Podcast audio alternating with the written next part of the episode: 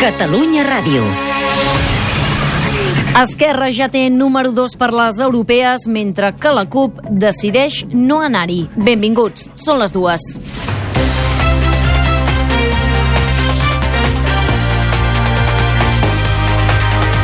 Catalunya migdia. Edita i presenta Gemma Bonet. Diana Riba, la parella de Raül Romeva, ha anunciat avui que anirà a la llista d'Esquerra als comicis europeus, en segona posició, darrere d'Oriol Junqueras. Un fitxatge Barcelona-Núria Oriol amb un simbolisme especial. Hola, bon dia. Doncs sí, fitxatge de gran simbolisme i força per Esquerra. És la dona de Raül Romeva, de l'exconseller d'Exteriors, ara a la presó per l'1 d'octubre, qui va ser, recordem, també eurodiputat.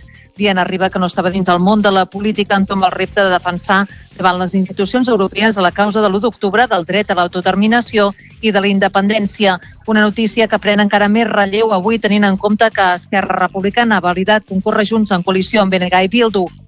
I això el mateix dia que la CUP, com us dèiem, ha decidit que no concorrerà a les eleccions europees perquè considera que el seu projecte no passa per aquestes institucions. Ho han dit el Consell Polític que han fet artés al Bages. Qui ha parlat avui precisament també de la CUP és José Zaragoza, que ha estat el suplement de Catalunya Ràdio i que ha comparat Vox amb la CUP dos partits molt radicals, que van de purs que es queden fora dels governs, que plantegen posicions extremistes. pues això és Vox a Andalusia el que ha passat aquí amb la CUP. És la radicalització de la política. Són les paraules del coordinador del PSC al Congrés dels Diputats, José Zaragoza. Mentrestant, avui a Madrid, més de 200 persones s'han manifestat davant del Tribunal Suprem per denunciar la presó provisional dels líders independentistes i han donat suport un centenar d'entitats. Madrid, Jordi Prats, bon dia.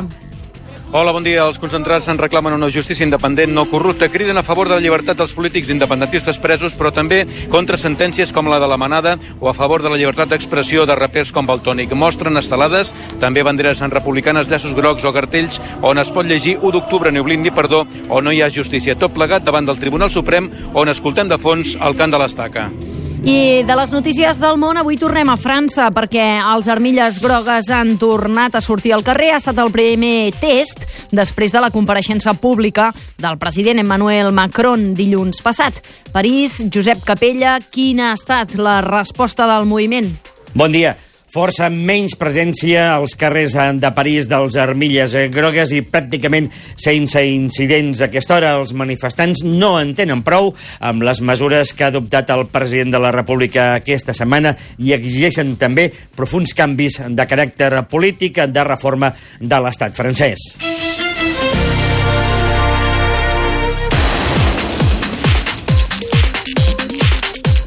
L'advocat i escriptor Jordi Cabré ha guanyat el Premi Sant Jordi de novel·la amb l'obra Digues un desig.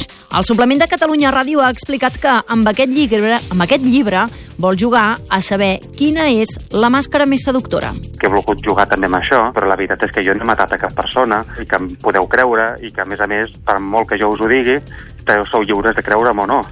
I per això, i aquesta és la gràcia de la novel·la, el Premi Mercè Rodoreda de Contes l'ha guanyat Víctor García Tur, el Carles Ribes de Poesia se l'ha endut Carles Rabassa i en la categoria d'infantil la guanyadora ha estat Núria Franquet.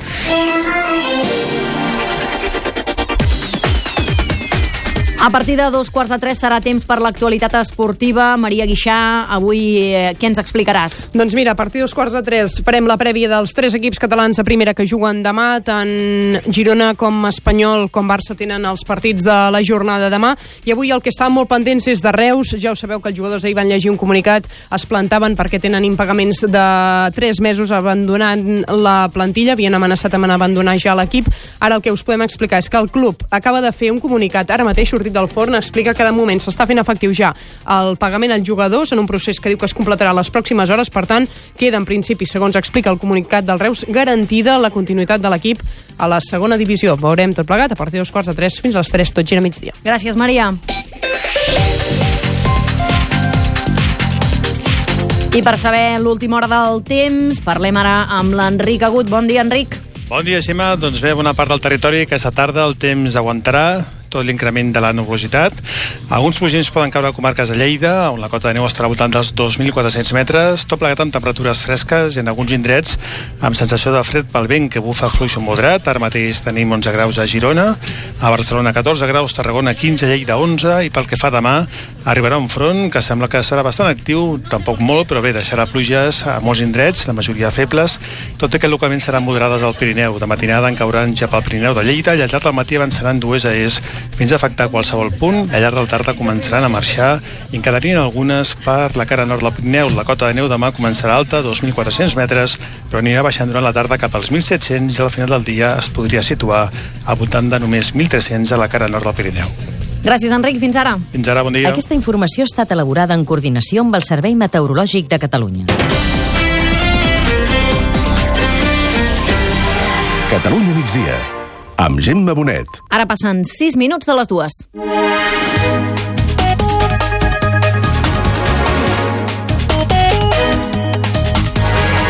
Diana Riba, la dona de Raül Romeva, serà la número 2 de la llista d'Esquerra Republicana a les eleccions europees darrere d'Oriol Junqueras. Els republicans ho han anunciat avui en un Consell Nacional en què també s'ha aprovat concórrer a les europees amb el BNG i Bildu. Precisament els independentistes gallecs i els bascos també han aprovat avui anar a aquestes eleccions en coalició amb els republicans. De tot això ens n'informa des de Barcelona la Núria Oriol. Hola, bon dia. La dona de Raül Romeva, Diana Riba, entoma un repte personal i polític de gran transcendència i simbolisme. Serà la número 2 de la candidatura que encapçala Oriol Junqueras a les eleccions europees. Riba, que no estava fins ara en el món de la política, vol defensar a Europa i davant les institucions europees la causa de l'1 d'octubre que ha portat el seu marit a complir presó preventiva i està processat per un delicte de rebel·lió. I ho fa sabent que el seu marit, Romeva, és especialment conegut i present al cercle europeu, ja que havia estat eurodiputat.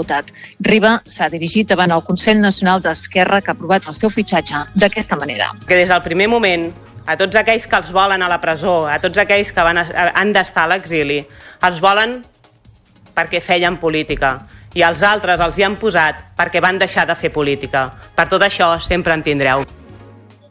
La incorporació de Riba a la candidatura d'Esquerra a les europees s'ha conegut poca estona abans que Bildu i el BNG anunciessin que les seves bases havien ratificat concórrer en coalició els tres a les europees. Una coalició d'esquerres i progressista, explicava aquest migdia l'adjunt a la presidència i vicepresident Pere Aragonès, que ha aprofitat també el Consell Nacional per fer una crida a la calma pel 21 de desembre.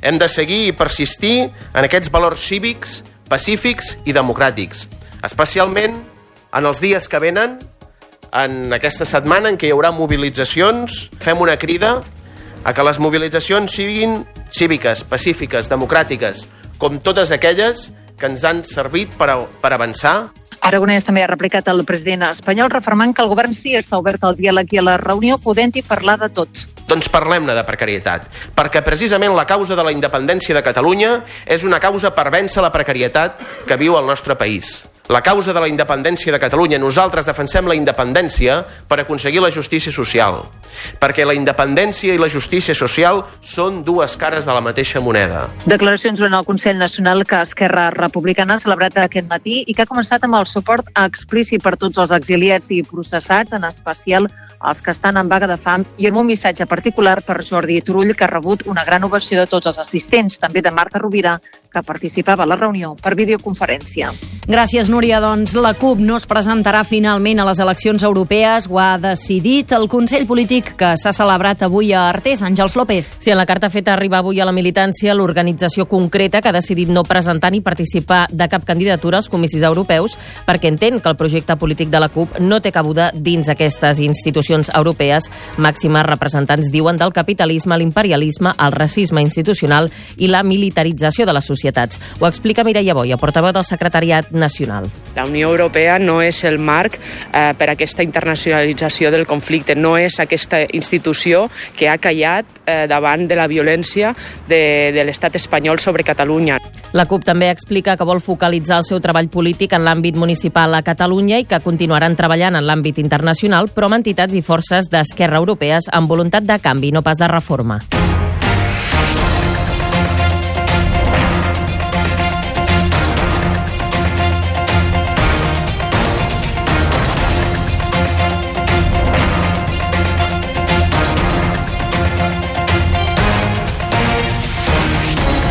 Doncs, com us dèiem a la portada, el coordinador del PSC al Congrés dels Diputats, José Zaragoza, en declaracions aquest matí al suplement de Catalunya Ràdio, ha demanat a Quim Torra que rebaixi la tensió amb el govern de Pedro Sánchez i torni a la via del diàleg sobre eh, problemes que preocupen els catalans. Ariadna Comas.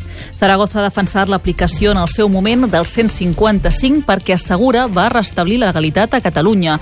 Considera que ara no és el moment de tornar-lo a aplicar, com reclamen Ciutadans o PP, però sí que caldria fer-ho si el govern torna a saltar-se la legalitat. Tenim autogovern a Catalunya, tenim president, sí. Per què? Perquè vam tenir el 155 que va recuperar la normalitat democràtica. La pregunta és, i ara què s'està fent? S'està complint la llei? Jo crec que sí.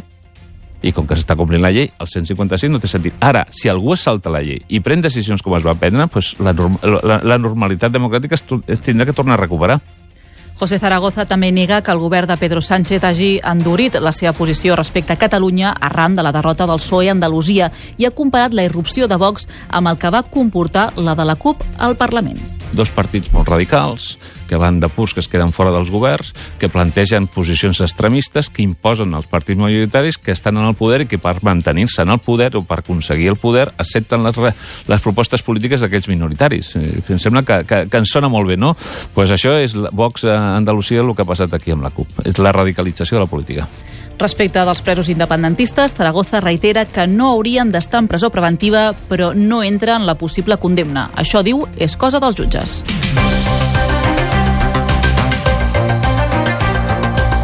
I els governs espanyol i català asseguren que estan treballant per recuperar el diàleg, tot i que mantenen diferències sobre el format que hauria de tenir una reunió entre Pedro Sánchez i Quim Torra, que es vol fer coincidir, recordem-ho, amb el Consell de Ministres del dia 21 de desembre a Barcelona. Mercè Jiménez. La portaveu del govern espanyol, Isabel Celà, ha assegurat que no hi ha nervis en l'executiu sobre aquesta visita a Barcelona, que ha generat molta repulsa i estarà envoltada de mobilitzacions. Celà ha mostrat la seva esperança que tot es desenvolupi amb normalitat.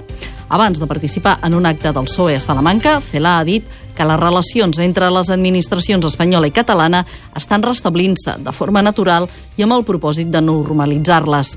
La portaveu del govern català, El Sartadi, també ha explicat al suplement de Catalunya Ràdio que estan negociant però que volen que la reunió entre Sánchez i Torra sigui una trobada bilateral.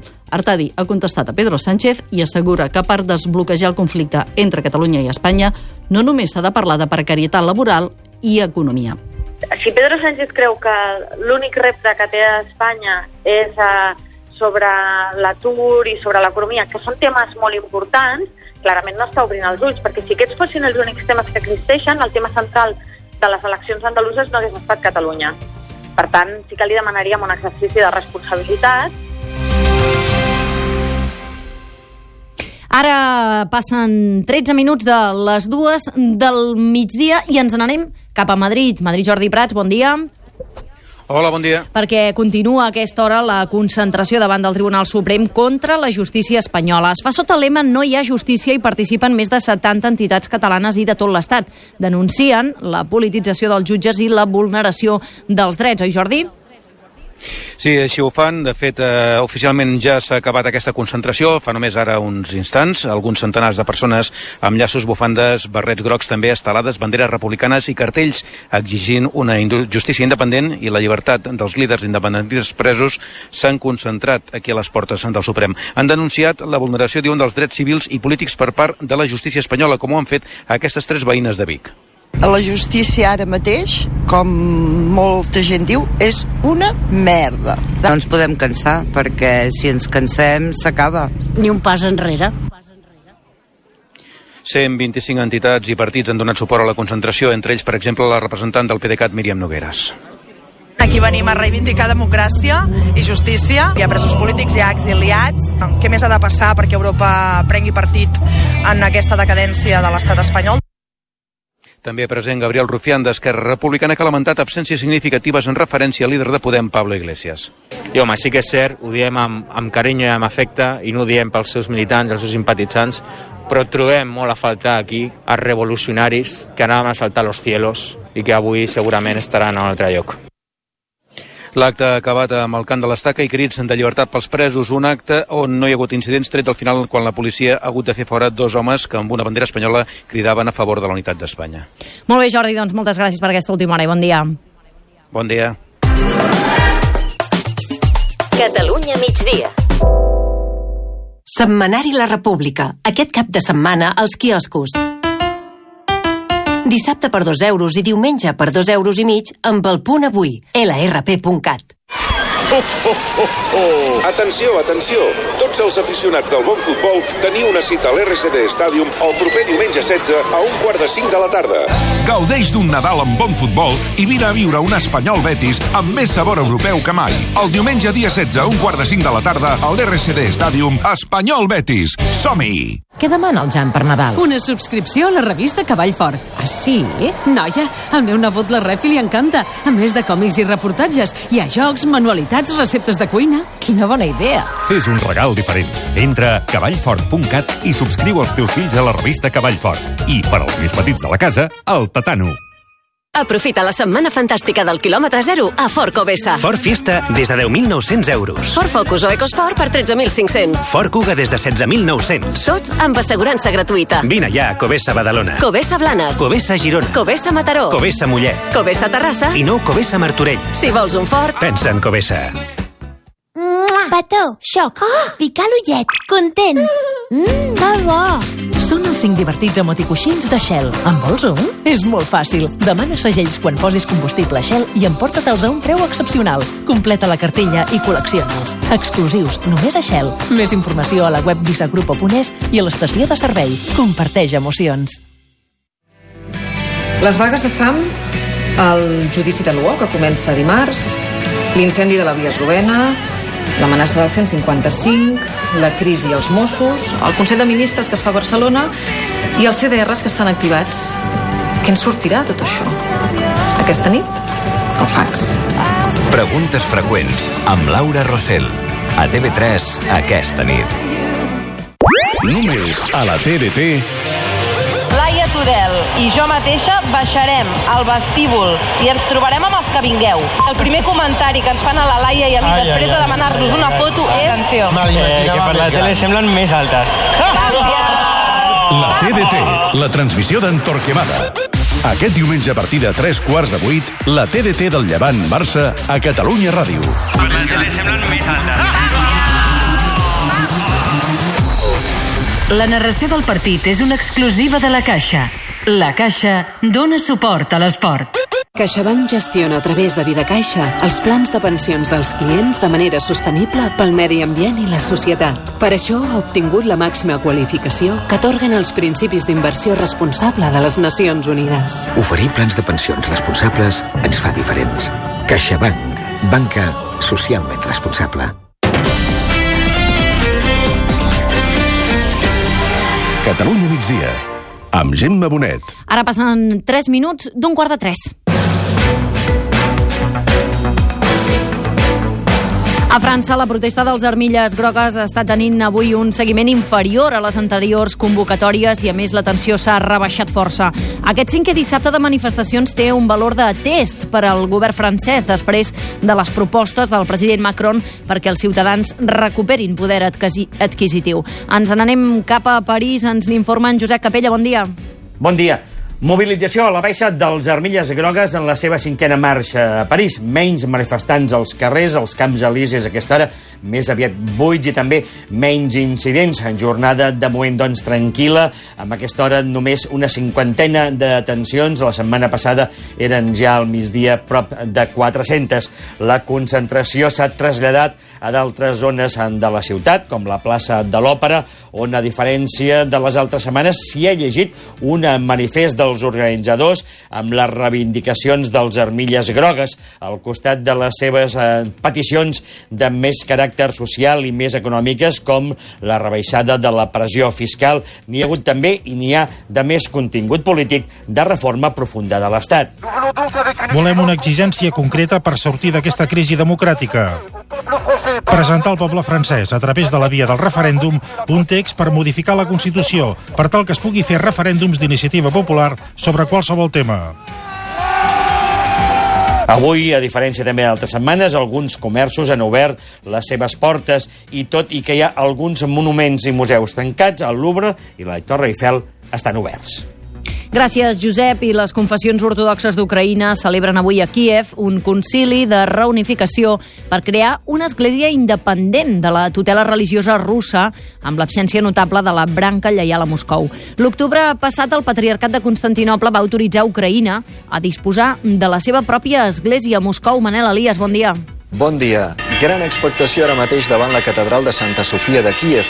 Després d'estar lligada al Patriarcat de Moscou des del segle XVII, volen començar a exercir la Carta d'Independència que els ha donat Constantinople, la principal autoritat eclesial per als ortodoxos. Celebren el concili que ha de deixar definida quina estructura tindrà la nova Església Ortodoxa d'Ucraïna. Però no serà un camí fàcil. Hi ha molts sacerdots que es continuen mostrant lleials a Rússia i que avui no han assistit a aquest sínode que arriben a qualificar de reunió de bandits. Es calcula que aproximadament 12.000 de les 18.000 esglésies del país depenen del Patriarcat de Moscou i la lluita perquè s'incorporin a la nova estructura ucraïnesa es disputa temple a temple. Fins i tot hi ha hagut batudes de la policia que acusa els sacerdots lleials a Moscou d'incitar a l'odi religiós. Un dels afectats, l'arcabisbe Anatoli, esmenta el dimoni. Els vaig dir, vosaltres serviu el dimoni, jo serveixo Déu, veurem qui és més fort i qui guanya. La màxima autoritat de l'Església Rússia, el patriarca Kirill, ha demanat als polítics i religiosos de tot el món, des de l'ONU fins al papa de Roma, que protegeixin els clergues que té Ucraïna d'una persecució que, segons diu, viola els drets humans. Ara és un quart i mig de tres. La plataforma Marea Pensionista de Catalunya s'ha manifestat aquest matí pel centre de Barcelona per reclamar pensions dignes per la gent gran i un millor repartiment de la riquesa. També han denunciat la retallada en drets i llibertats que viu la societat. Ens n'informa des de Barcelona la Maria Alba Gilabert. Bon dia. La marxa ha començat amb retard a plaça Urquinaona i enfilant per Roger de Llúria ha arribat fins la delegació del govern al carrer Mallorca, on s'ha llegit un manifest criticant l'actual llei de pensions, l'existència de pensions privades i la situació en què es troben el 50% dels pensionistes. Tenemos el 50% de las pensiones entre 600 y 650 euros. No lo vamos a permitir. Estaremos en la calle el tiempo que haga falta. Un dels participants negava que l'actual sistema de pensions sigui inviable a causa de l'envelliment de la població i la situació econòmica. Riquesa en aquest país hi ha, està mal distribuïda. Si es distribueix amb justícia, amb solidaritat, les pensions es poden mantenir, perquè el que no es diu és que la riquesa d'aquest país ha augmentat i s'ha acumulat els darrers anys i pràcticament no s'ha distribuït d'una manera justa. I ha anat sobretot a la gent més rica. Les protestes de la marea pensionista es repetiran de moment els dies 24 i 31 de desembre a migdia a la plaça Universitat de Barcelona. I a Tortosa també s'han manifestat unes 400 persones per reclamar una vida digna a les Terres de l'Ebre i per revertir les retallades de l'última dècada. Tortosa, Mar Rovira. Bon dia. Amb el clam unànime de prou retallades i el ritme d'una percussió ben sonora, centenars de persones han recorregut els carrers del centre de la capital del Baix Ebre per defensar els drets socials. Xesca Pérez és membre de Pensions Dignes de les Terres de l'Ebre i representant de les 10 entitats organitzadores. Ja n'hi ha prou de retallades. Hem de revertir. Només volem i demanem una vida digna amb totes les prestacions adequades. A més a més, sabem que és possible. No ens poden dir que no és sostenible, perquè sostenible és una paraula que l'haurien d'esborrar. Sostenible està dedicat al medi ambient i sostenible no són els drets socials. Els drets socials es paguen, es paguen amb que, la, que la, la gent que tingui que guanyi més pagui més. La manifestació ha culminat amb la lectura d'un manifest a la plaça de l'Àngel on s'han aplegat tots els manifestants i col·lectius amb les pancartes en una rotllana. Els organitzadors han avançat que a partir de la setmana vinent estudiaran si convoquen noves mobilitzacions.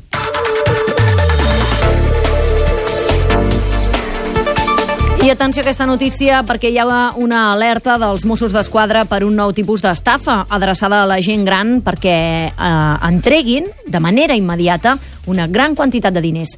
La víctima rep una trucada d'un fals advocat o d'un policia que li diu que un familiar directe està detingut i que cal que doni els diners perquè quedi en llibertat Marta Vallès. Els Mossos van rebre ahir entre les dues del migdia i quarts de nou del vespre nombroses denúncies de persones alertant que havien rebut una trucada d'aquest tipus. L'inspector Albert Oliva ho ha explicat al suplement de Catalunya Ràdio i ha demanat la implicació de tothom. L'actitud d'un taxista que ahir portava doncs, una persona gran a una entitat bancària a treure diners. La senyora espantada li va explicar i el taxista va desviar la ruta i en lloc d'anar a l'entitat bancària va anar a la comissaria de Mossos. És molt important el compromís de tothom perquè amb el col·lectiu més vulnerable de persones grans i més amb aquesta quantitat desorbitada de diners que moltes vegades són tots els seus estalvis. I és que els estafadors arriben a demanar fins a 70.000 euros. Es recomana a la persona que ha rebut la trucada que ho comuniqui algú de confiança i seguidament facin la denúncia. Una de les víctimes ha estat una dona de 94 anys, que va donar als estafadors 4.000 euros i algunes joies perquè un fill seu, suposadament detingut, fos alliberat.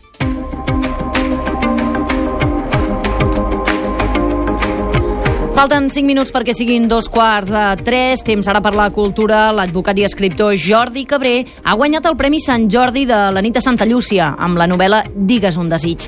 La festa literària d'Òmnium Cultural també ha premiat Carles Rabassa amb el Carles Ribas de Poesia per Sons Bruts. Marc Ruiz. Digues un desig d'escriure la reacció d'un escriptor que troba un llibre que conté la seva autobiografia tot i que ell no l'ha escrita. És un thriller psicològic que juga amb les màscares que ens posem, les que ens posen, i on la veritat perd tot el valor davant del poder de seducció. Cabreu ha explicat al suplement de Catalunya Ràdio. Home, ho he exagerat molt i, per tant, doncs, ja el personatge, per exemple, físicament s'assembla una mica a mi, perquè he volgut jugar també amb això, però la veritat és que jo no he matat a cap persona i que em podeu creure i que, a més a més, per molt que jo us ho digui, sou lliures de creure'm o no. I per això, i aquesta és la gràcia de la novel·la, Carles Rabassa, amb el llibre de sonets Sons Bruts, s'ha emportat el Carles Riba i ha fet aquesta reivindicació quan li han entregat el premi. Poesia a favor de la revolta com a sistema d'organització i de creixement continuat. Poesia a favor del cony insubmís, a favor de cagar-se en Déu i en la Mare de Déu sense haver de passar pel jutjat. El Mercè Rodoreda de Contes ha estat per a Víctor García Tur amb El País dels Cecs, en categoria infantil, han premiat Núria Franquet amb l'Alianc dins del quadre, juvenil, la premiada ha estat Maite Carranza, i el de comunicació se l'han dut Jaume Roures i Tacho Benet.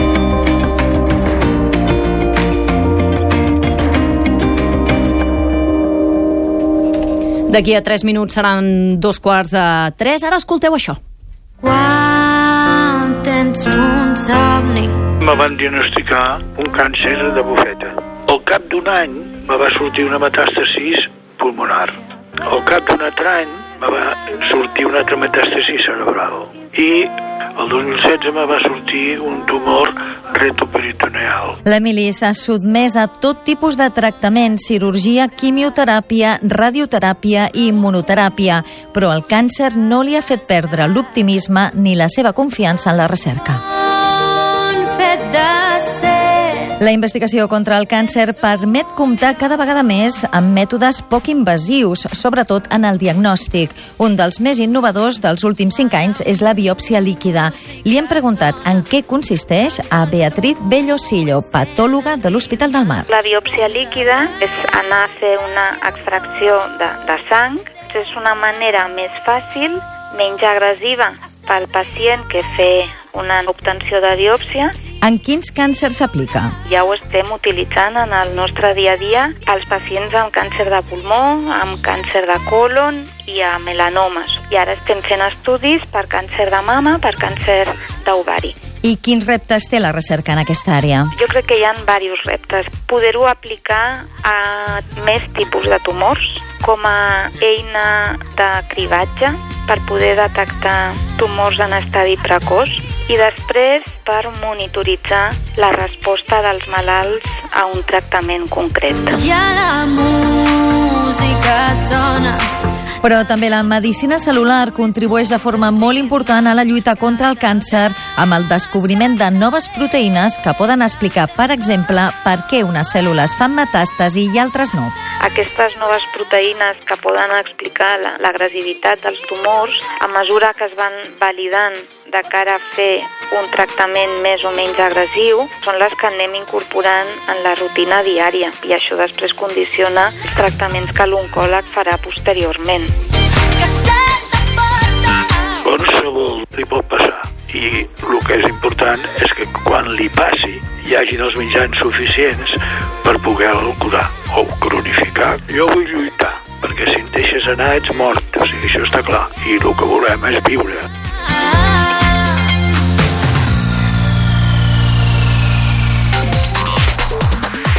Doncs demà que arriba aquesta nova edició de la Marató de TV3 i Catalunya Ràdio, les donacions que les podreu fer al 905 11 50 50.